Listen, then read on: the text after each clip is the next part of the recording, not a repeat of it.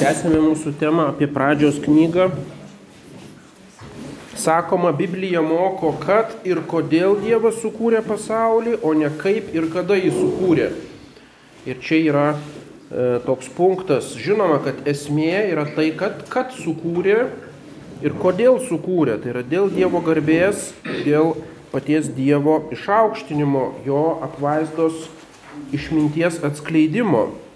O kaip, kuriuo istoriniu metu, ir reiškia kokiais etapais ir kada, ir e, reiškia kokiu būdu, tai nėra esminis dalykas. Tačiau vis dėlto yra tų detalių e, šventajame rašte ir tai negalime mes pavadinti perteklinė informacija. Tai nėra taip, kad Dievas apreiškia kažkokius nereikalingus dalykus. Visa tai taip pat turi teologinę prasme, nors yra apreikšta, galima sakyti, per akcidents, tai yra tik tai kaip pagalbinis apreiškimas.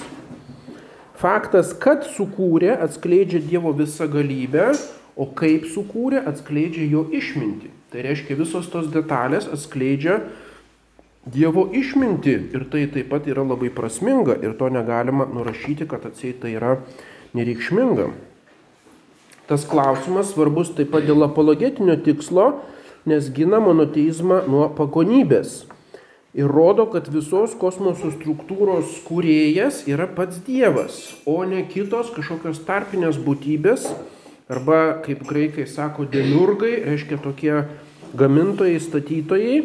Visi kosmoso objektai yra tik tai Dievo kūriniai, o ne patys dievai ir tiesiogiai paties Dievo sukurti. Tai reiškia, Biblija sako ne tik tai, kad Dievas sukūrė, bet atskleisdama tuos visus per šešias tvėrimo dienas atskirus etapus, parodo, kad jis betarpiškai tuos etapus inicijavo. O reiškia ne kažkokie angelai ar kitos tarpinės būtybės. Tai yra labai svarbus apologetinis tikslas. Ir todėl tai nėra kažkoks nereikšmingas dalykas. Kosmologiniai tekstai jie siekia desakralizuoti ir demitologizuoti gamtą, kad gamta nėra kažkas savaime šventa ir atsijėti gamtą nuo mitų apie įvairius e, dievus, kurie kontroliuoja atskiras gamtos sritis. Taigi tikslas Biblijos pirmo ir antro skyriaus yra demitologizacija, mitų sugriovimas ir desakralizacija, reiškia atimimas pripaišymo gamtai šventumo, kurio jinai neturi. Biblinis teis, tekst, tekstas leidžiasi į detalės, ypač aprašinėdamas žmogų.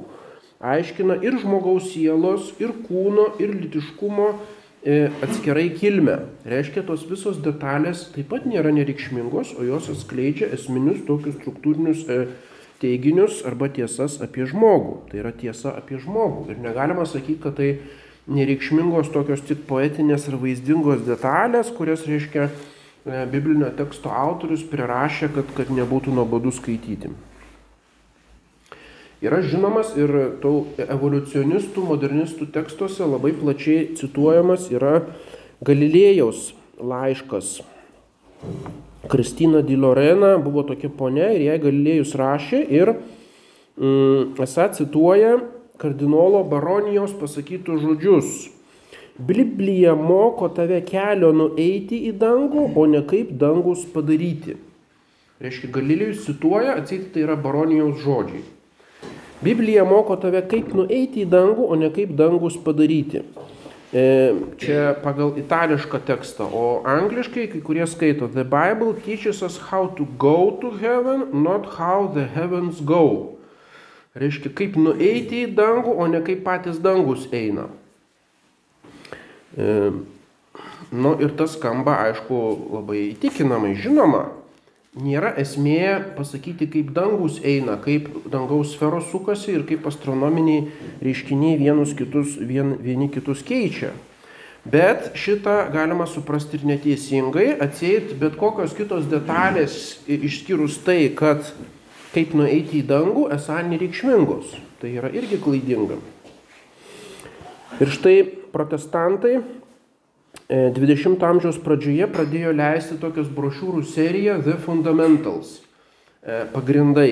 E, aišku, ten daug skirta tiesiog protestantizmo įvairių pagrindų dėstymui prieš modernios civilizacijos, reiškia, spaudimą, modernias klaidas, bet ypač akcentuotas buvo e, evoliucijos ir kiti kosmologiniai klausimai ir todėl šitie The Fundamentals, tie leidinėliai, tos brošiūros buvo kaip toks iššūkis tai pažangiai, reiškia, minčiai moksliniai ir todėl tie protestantai, kurie rašė ir paskui kurie ir skaitė, imti vadinti fundamentalistais. Kodėl? Nes jie rėmė šitą leidinį The Fundamentals.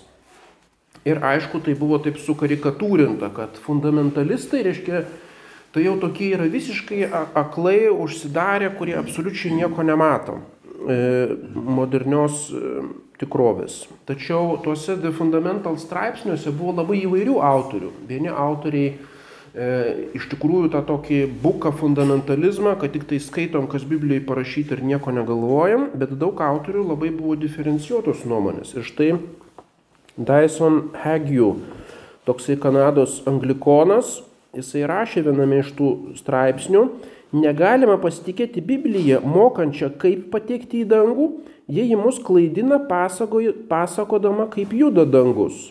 Tai yra apie pasaulio gyvūnų bei žmonių atsiradimą. Ir tai iš esmės yra teisinga. Kaip galime pasitikėti Bibliją, kuris sako, kaip patekti į dangų, reiškia apie tuos esminius išganimo dalykus, kaip išgelbėti savo sielą, jeigu Biblija pasakoja visokius mitus ir nesąmonės apie tai, kaip juda dangus, tai yra apie kosmologinę ir kosmoso tvarką. O paskui kitas autorius, tame Fundamentals, James Orr, Jisai rašo, Biblija duota ne tam, kad diktuotų XIX amžiaus mokslui, jinai aprašo pasaulį tokį, koks jis atrodė tuo metu žmonėms, o ne taip, kaip atrodo moderniems mokslininkams. Ir tai yra labai įdomu. Reiškia, fundamentals rašo autorius, kuris iš esmės nėra toksai jau ir fundamentalistas. Reiškia, tuose leidiniuose buvo ganėtinai diferencijuotos nuomonės. Tačiau būtent oponentai viską sukarikatūrino ir pavertė, kad bet kokia kritika prieš, reiškia, evoliucijos teoriją arba švento rašto gynimas, tai yra va, toks bukas fundamentalizmas, kuris e, išjungia protą ir, reiškia, nieko negalvoja. Popiežius Benediktas XV 1920 metais apie šventą Jeronimą, švento rašto vertėją, išleido encikliką Spiritus Paraklitus. Ir jisai aptarė švento rašto tyrimą ir leidžia naudotis taip vadinamais kritiniais metodais. Mes sakėme, kritinis metodas reiškia kaip teisimas arba tyrimas moderni, moderniomis priemonėmis švento rašto e, vietas sunkes. Ir žinoma, sako, galimi tie kritiniai metodai bet laikantis bažnyčios tėvų ir magisteriumo. Reiškia, jis aklam kriticizmui, kuris paremtas vien tik individualių žmogaus protų, jis prieš pastato sveiką kriticizmą, kuris atsižvelgia į bažnyčios tėvų, reiškia visą tradiciją ir ypač į magisteriumą, į bažnyčios mokymą. Tai yra sveika, sveika, galima sakyti, sveikas tyrimas šventojo rašto. 19 punkte jisai pasisako prieš tezę, kad įkvėpimas siekia tik pirminio religinio Biblijos elemento, o ne antrinio. Reiškia, kad tai yra įkvėpta, kas būtent siejasi betarpiškai su sielos išganimu ir e, religiniu elementu, o atseit visos kitos yra tik tai žmogiški priedai. Esą antrinis elementas yra tik tai toksai rūbas, kuris apgaubė dieviška, dieviškas tiesas ir Dievas jį palieka žmogiško autoriaus pažinimo lygiui. Ir tada citata Benedikto, nieko nuostabaus, kad jų požiūrį Biblijoje esama daugybė dalykų fizinių mokslų, istorijos ir kitose srityse, kurie nesuderinami su moderniu mokslų progresu. Reiškia, jisai pasmerkė šitą. Reiškia, nors ir skiriame pirminius dalykus ir antrinius dalykus šventame rašte, bet negalime sutikti, kad tie antriniai dalykai neturi įkvėpimo ir neklystamumo autoriteto. Tai yra grinai žmogaus išsigalvojimas ir nesuderinamas su moderniu mokslu progresu. Toliau kitame punkte sako, kai kurie bando remtis Leonu Triliktuoju, kuris teigia, jog šventame rašte dažnai remiamasi vien išorinė daiktų išvaizda. Taip, teisingai. Tačiau išorė nereiškia apgaulinga, prieštaraujanti mokslui. Jeigu sakome, kad Saulė kyla, nors žinome iš astronomijos, kad Žemė sukasi aplink Saulę, o Saulė niekur neįkyla, neįleidžiasi, tai mes remiamės vien išorinę daiktų išvaizdą, bet ta išorinė išvaizda nėra klaidinga. Tas mūsų po, reiškia, jis tik išreiškia tam tikrą santykinį, santykinį požiūrį, kuris nėra klaidingas. Ir todėl Benediktas XV cituoja, rašo, sveika filosofija moko, kad jūslės niekuomet neapgaunamas dėl jų savo ir betarpiško objekto. Savo ir betarpiško objekto. Reiškia, yra joms savas objektas, reiškia, yra kaip suderinimas. Pats tvėrėjas suderino mūsų jukslės su išoriniais objektais. Tai yra fundamentalus mm, e, aristotelinės ir tomistinės reiškia pažinimo teorijos filosofijos teiginys, kad jūslės kaip tokios mūsų neapgauna. Jūslės yra suderintos su kosmosu. Reiškia, jeigu aš žiūriu, kad čia yra stalas, tai gali būti tam tikrų klaidų, gali būti klaidų mano jūslėse, gali būti tam tikrų optinių iliuzijų, bet bendrai imant, mano jūslės atitinka tikrovę. Nes jeigu taip nebūtų, tada iš vis nebūtų galima absoliučiai nieko pažinti. Taigi sveika filosofija moko, kad jūslis niekuomet neapgaunamos dėl jų savo ir betarpiško objekto. Savas objektas reiškia tai, kas, tarkim, akims regėjimas, ausims e, klausimas ir betarpiškas objektas. Tai yra esminis dalykas, ką pažįstame betarpiškai, tai yra evidencija, akivaizdumas ir tas akivaizdumas mūsų neapgauna. Ir todėl šventasis Tomas sakė, Omnis cognitio incipit asensibus. Kiekvienas pažinimas prasideda jūslėmis. Mes einame per jūslės, mūsų akis, ausis pažįstame, paskui tik tai iš tų jūslių mes abstrahuojame jų esmę. Mes suvokiame, priskiriame tam tikrai rūšiai, tam tikrai e, giminiai, e, lyginame tos objektus ir prasideda mūsų loginis e, proto darbas. Bet visas pažinimas prasideda jūslėmis. Reiškia, jūslės atitinka daiktus tokius, kokie jie yra, jeigu tai yra betarpinis pažinimas. Ir reiškia, jeigu, kaip sakoma, neginkluota akimi e, aprašoma taip, kaip daiktai atrodo, tai tai nėra klaidinga. Tiesiog e, tai nėra mokslinis tyrimas kažkokiais specialiais prietaisais ar moksliniais e, metodais, bet tai yra betarpiškas, paprastas daiktų pažinimas ir jis nėra klaidingas.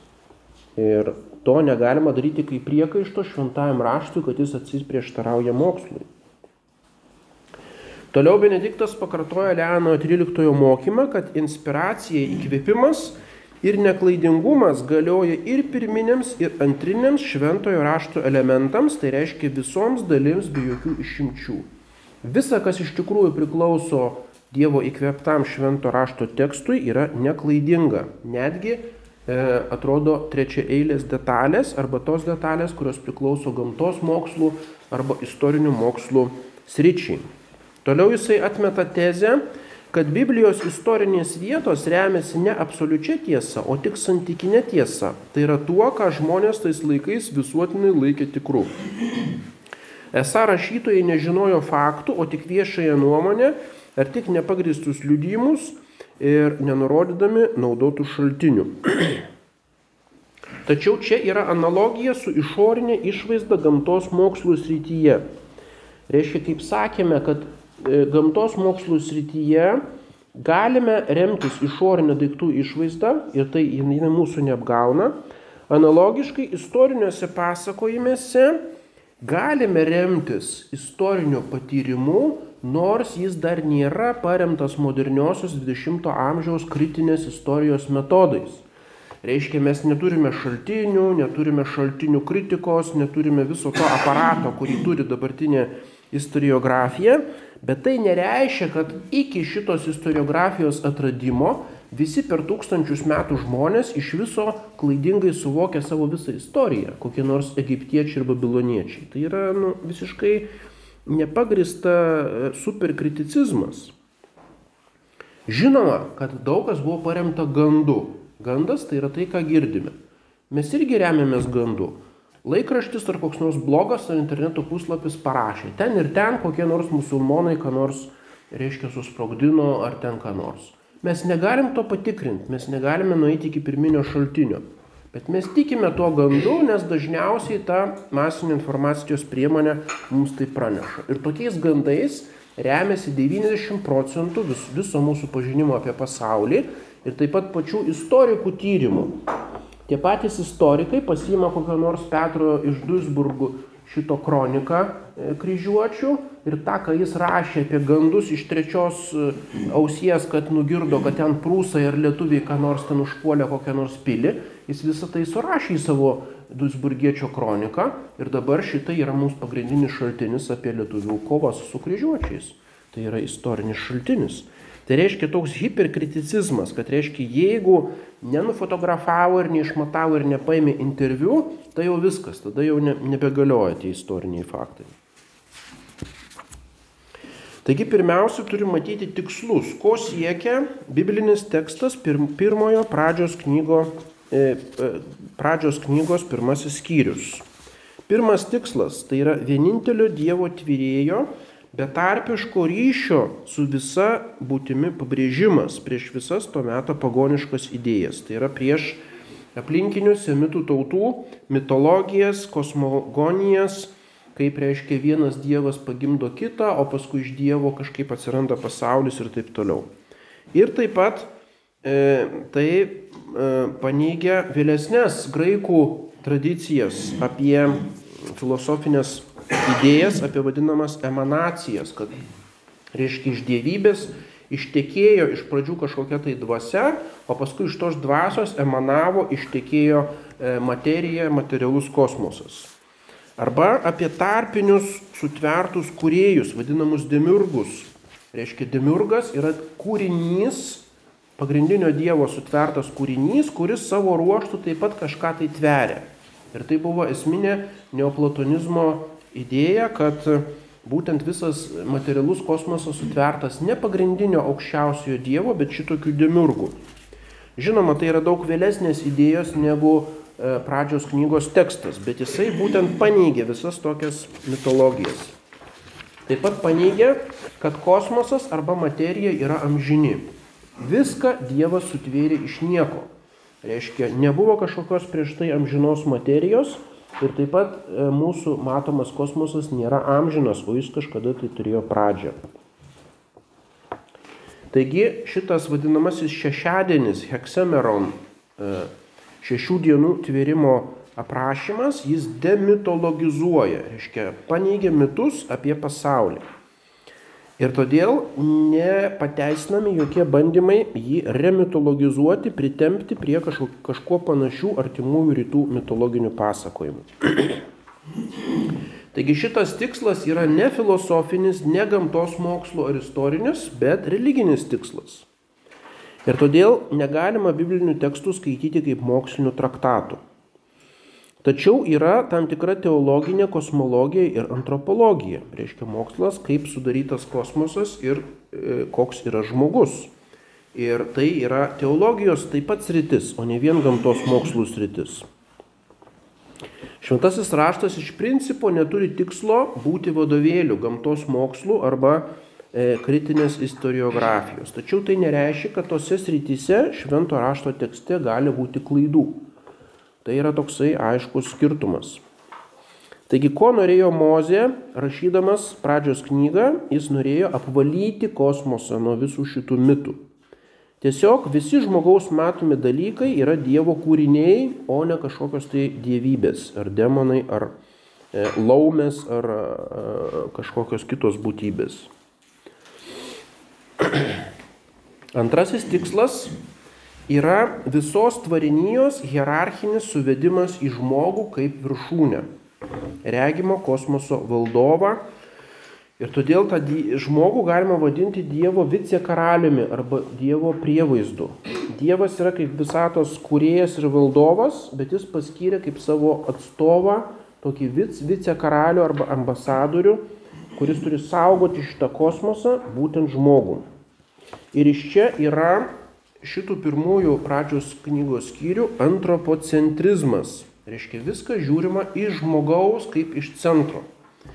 Ir tada dabartinis mokslas sako, o čia yra nemoksliška, reiškia, iš savo bokšto tu viską žiūri, o reikia objektyviai žiūrėti, kaip iš tikrųjų sudarytas kosmosas. Bet tai visiškai nesuvokiamas tada yra tikslas, kad būtent toks yra šito teksto tikslas - nurodyti viską, suvesti į žmogų kaip į viršūnę šitame kosmose.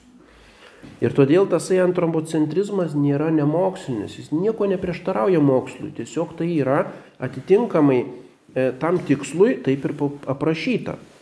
Pradedama nuo šviesos, paskui dangaus kūnai, paskui gyvų, augalai, gyvūnai ir galiausiai kaip viršūnė, kaip kosmoso tvarinijos centras yra žmogus. Tai yra antropocentrizmas.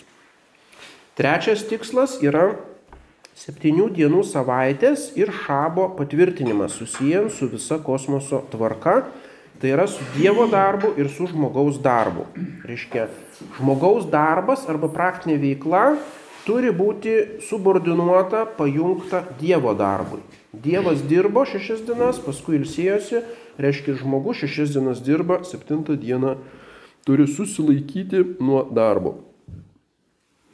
Ir reiškia, mes jau kalbėjome, kad septynių dienų savaitė yra ypatingas Senojo testamento išradimas, nieko panašaus, reiškia, analogiško nebuvo nei Egipte, nei Babilonijoje, nei niekur kitur. Būdavo tam tikras skaidimas mėnesio į menulio fazes, bet tas skaidimas jis būdavo pririštas prie mėnesio, reiškia mėno, keturios mėnesio dalis.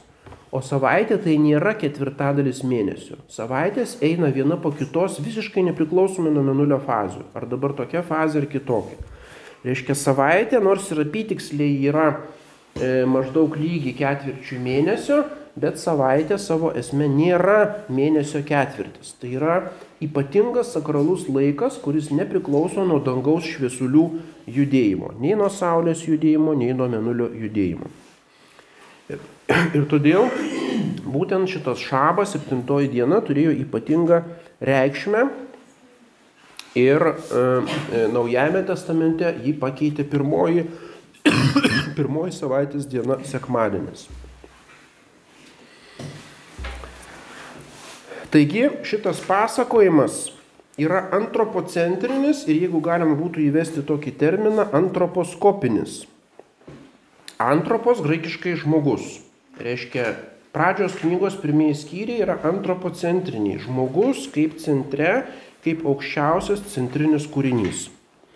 Bet taip pat antroposkopinis, reiškia, žiūrint iš žmogaus bokšto arba iš žmogaus požiūrio. Antroposkopinis yra tarp mikroskopinio ir teleskopinio. Reiškia, žmogus yra kaip tas vidurinis matas, Kas yra smulkesni visokie dalykai? Eina smulkus visokie gyvūnėliai, paskui eina bakterijos, paskui eina molekulės, atomai, dalelės ir taip toliau.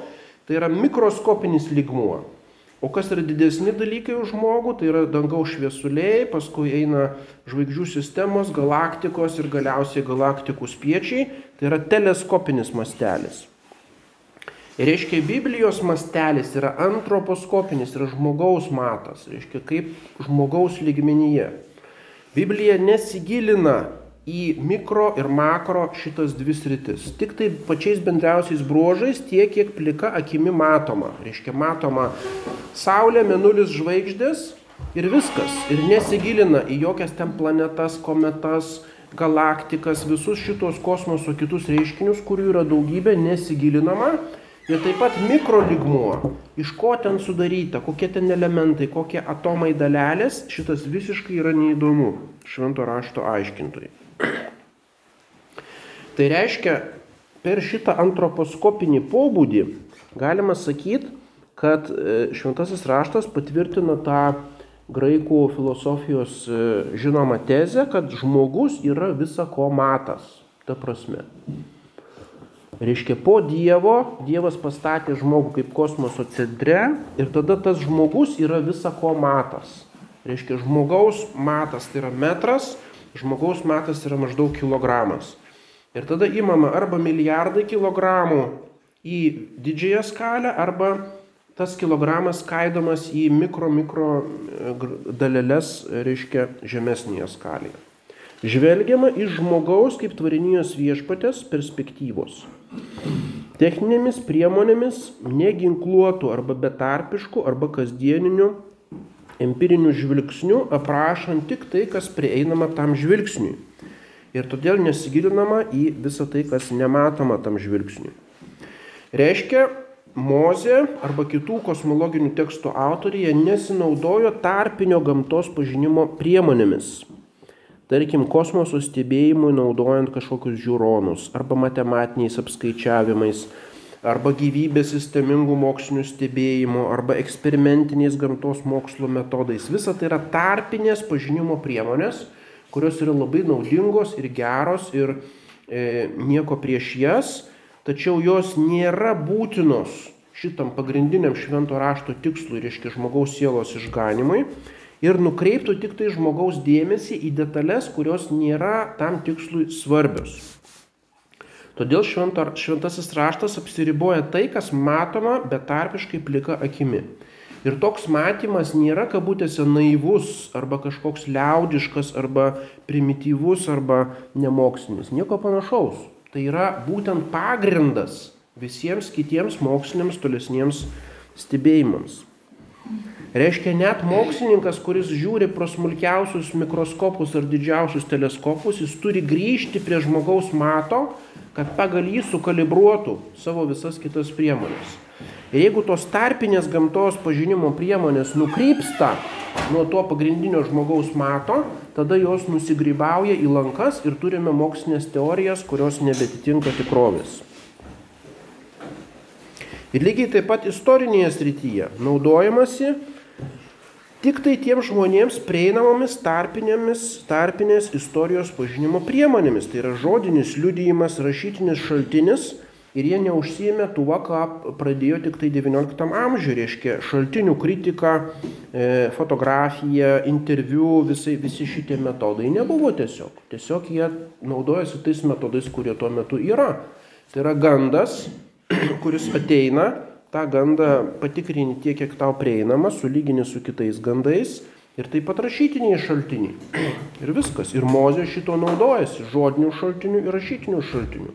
O kad jis nesėdėjo ir neužsijėmė istorinę kritiką kaip dabartinis mokslininkas istorijos fakultete, nu tai yra nesąmonė, reiškia kaltinti Mozę tokiais dalykais. Šventasis Grigalius Nysietis, bažnyčios tėvas, rašo, Visų dalykų kuriejas laiku prirengė karališką būstinę tam, kuris turėjo ją valdyti, tai yra žmogui. ją sudaro žemė, salos, jūra ir dangus. Tuomet kosmose pasirodė žmogus, jame esančių dalykų stebuklų tyrinėtojas ir valdovas, kad jais naudodamasis pažintų tą, kuris juos sutvėrė. Tai yra viename sakinyje visa esmė, reiškia genezis pasakyta. Reiškia, genezis yra antropocentrinė žmogus centre, visa ko matas. Ir visų dalykų kuriejas pastatė tą žmogų į jo karališką būstinę. Reiškia, kosmosas yra kaip dvaras arba kaip šventykla, kur kaip karalius ir kunigas sėdi žmogus. Ir šitą jo dvarą sudaro žemė, salos, jūra ir dangus. Reiškia, netgi tas dangus, kur žmogus betarpiškai negali jo paveikti, taip pat priklauso galų gale žmogui. Ir tuomet galiausiai kosmose pasirodė žmogus, tai yra šeštoji tvėrimo diena, ir jame esančius stebuklų tyrinėtojas. Reiškia, jis buvo sutvertas, kad jis stebėtų visus tos dalykus ir juos aprašytų. Ir taip ir Mozė, jisai stovi ir jisai žiūri. Tai, kai jis mato betarpiškai, jis tai aprašo savo pradžios knygos skyriuose. Origenas buvo vienas iš pirmųjų bažnyčios rašytojų ir jis parašė knygą kontra Celsų. Jis e, ginčijasi su tokiu Celsu, kuris buvo vienas iš aršiausių ir intelektualiausių krikščionybės kritikų tais laikais Aleksandrijoje. Ir tas Celsas daro tokį priekaištą žydams ir krikščionis būtent dėl to antropocentrizmo. Tai buvo susiginčimas pačių svarbiausių punktų. Reiškia, Celsas rašo, žmonės, lyg smulkus gyvūnėliai, šikšnosparniais krusdėlės, varlės, kirminai, pilni puikybės susirinkę kalbą.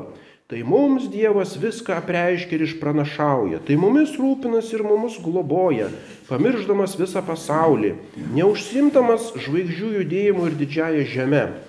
O mums šitiems kirminams jisai siunčia savo pasiuntinius rūpindamasis, kad susijungtume su juo amžiams. Jisai juokiasi, reiškia, kokia ta žmogaus puikybė išliaužia kaip kirminas ant žemės ir mano, kad visų dalykų kūrėjas, reiškia, nebesirūpina nei žvaigždėmis, nei planetomis, didžiaisiais kūnais, o reiškia tik tai kaip tą kirminą, reiškia, išgelbėti. ir tada žmonės sako, Dievas yra, o mes užimame antrą vietą po jo. Mes esame visiškai panašus į Dievą. Viskas mums pavaldu - žemė, vanduo, oras, žvaigždės, viskas egzistuoja mums, visa mūsų paslaugoms. Nu ir tada Origenas turi parodyti, kad čia gali juoktis ir paaišyti karikatūrą, bet iš esmės taip ir yra. Kadangi ne fizinis dydis ir ne masė tonomis ir milijardais tonų lemia, o būtent tas dvasinis pradas, kuris yra žmoguje, kuris žmogų daro panašų į dievybę, jis yra lemiamas. Ir todėl kosmosas yra objektyviai antropocentrinis, o ne subjektyviai. Kad reiškia, žmogus iš savo bokšto susigalvoja tokią puikybės iliuziją, kad aš čia pats svarbiausias. Bet dėl to, kad jis turi dvasinę sielą, kur yra sutverta pagal Dievo atvaizdą, reiškia vien dėl šitos dvasinės sielos vienas individualus žmogus yra objektyviai nepalyginamai aukštesnėme lygmenyje ir daug vertingesnis negu, tarkim, kokia nors Jupiterio planeta, kur, kur milijardą tonų sveria, reiškia, ir sukosi aplink Saulę. Arba ištisą galaktiką.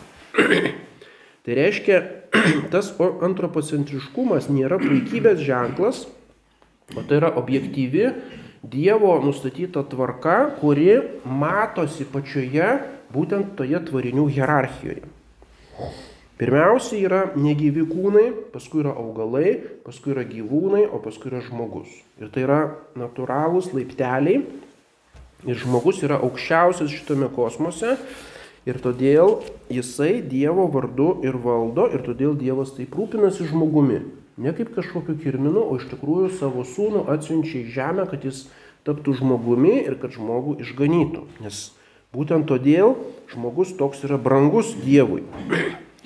Taigi Origenas sako Celsui, tai nėra nepagrįsta puikybė, o tai yra paties Dievo nustatyta tvarka ir tai yra taip turi būti. Dabartinė versija Celso šito argumento tai yra vadinamasis speciesism e, tezė, kad reiškia e, šitą žodį tokį keistą angliškai. Speciesism įvedė britų psichologas Richard Ryder 1970 metais. Reiškia rū, rūšizmas, rūšizmas, speciesism. Reiškia, jisai kaip darvinistas sako, kad žmonės sudaro vieną iš beždžionių rūšių šalia visų kitų žinduolių ir kitų. Ir reiškia, šita rūšis, kur yra viena iš milijono, staiga sako, mes esam svarbiausi. Mes esam svarbesni ir už gorilas, ir už šimpanzės, o tuo labiau ir už visus tigrus, ir karves, ir, ir kirmelės. Nu, tai sako, kokia puikybė. Ir tai va būtent, jeigu nusileidžiam iki šitokio materialistinio ligmens, tai iš tikrųjų E, kuo tada skiriasi mūsų rūšis nuo kitų? Tai nėra išpuikęs diskriminacinis speciesism, o tai yra teologinė tiesa. Ir būtent šitas antropocentrizmas kyla iš monoteizmo ir iš teocentrizmo. Žinoma, kad visa ko viršūnė yra Dievas, tai yra teocentrizmas. Bet būtent Dievas savo valia pastatė kaip savo atstovą žmogų. Ir todėl Žmogus neturi sakyti, kad ne, ne, aš nesu atsakingas už kosmosą, aš esu tik tai biosistemos dalelė, o galų gale esu parazitas ant žemės kūno, kuris tik tai viską greužia, kaip, kaip kirminas tą žemės rutulį, kaip obolį reiškia ir greuna tą visą ekosistemą. Ne, aš žmonės yra objektyviai aukštesni už visus gyvūnus ir už visą šitą gamtinę e, tvarką ir turi kaip šeimininkas, žinoma, protingai jos negriaudamas, turi ją naudotis. Ir ką tai reiškia iš to antropocentrizmo? Tai reiškia, kad kosmologijoje Žemės planeta yra privilegijuota, tai yra ypatinga vieta visame kosmose. Net jeigu kosmosas yra milijardai, milijardai kilometrų, jame nėra svarbesnės vietos negu šita Žemės planeta, kur yra taškelis.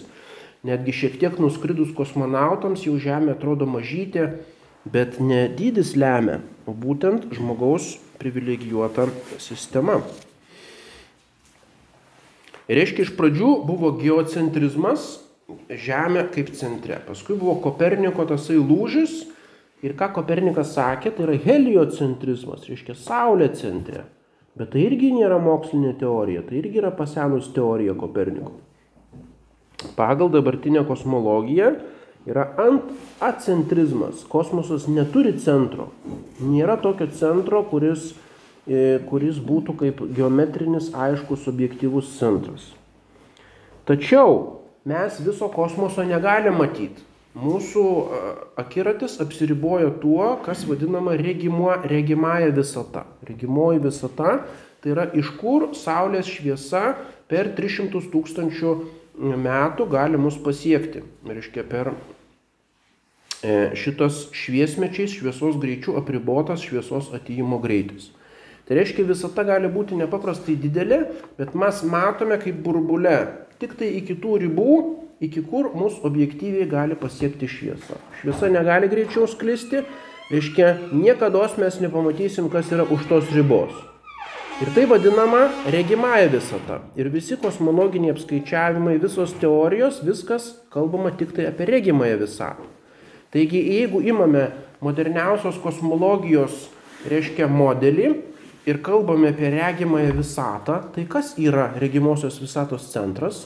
Yra tos visatos regėtojas. Tai reiškia, e, visata yra objektyviai antropocentrinė. Reiškia, iš tikrųjų, Žemės planeta, ir ant kurios tupi žmogus, yra visos visatos centras.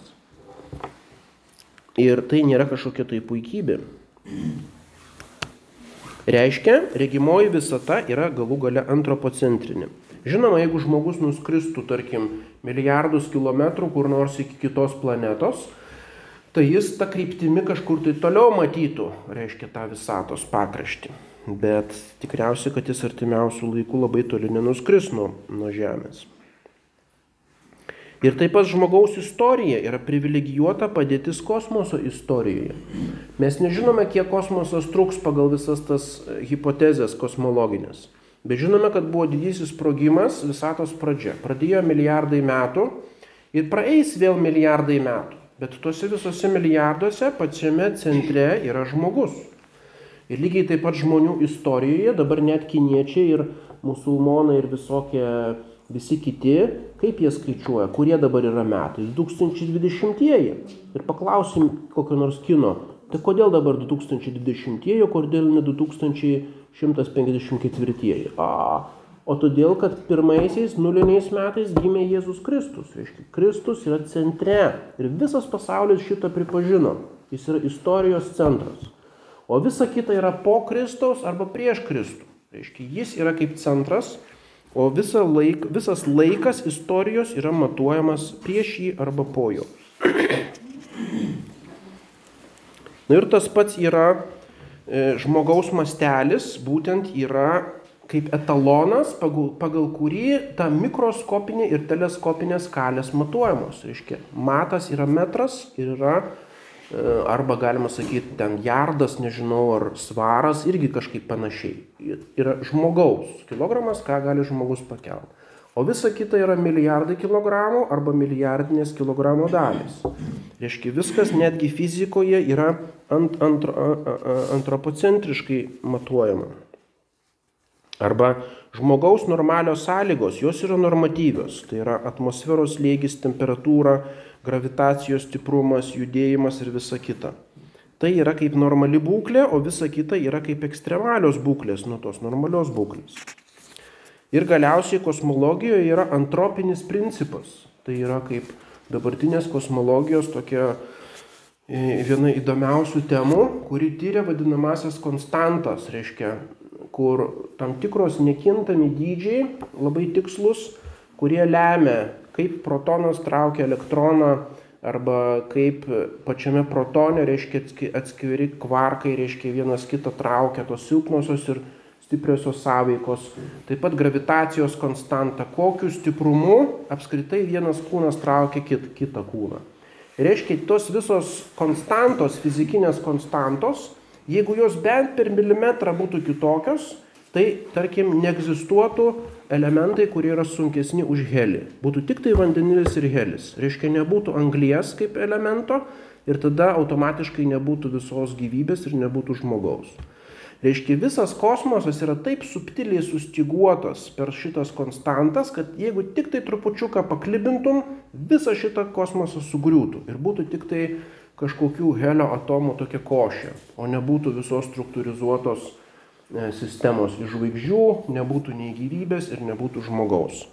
Tai reiškia, atrodo, kad e, yra taip subtiliai suderinti vis, visi šitie konstantos ir gamtos dėsniai, kad jų tikslas atrodo esantis žmogus, kad atsirastų stebėtojas, kuris galėtų tas konstantas nustatyti, kuris galėtų stebėti tą kosmosą ir jį aprašyti. Ir šitai pripažįsta net vadinamieji ateistai, reiškia kosmoso stebėtojai, antropologinis principas. Pratesime kitą kartą.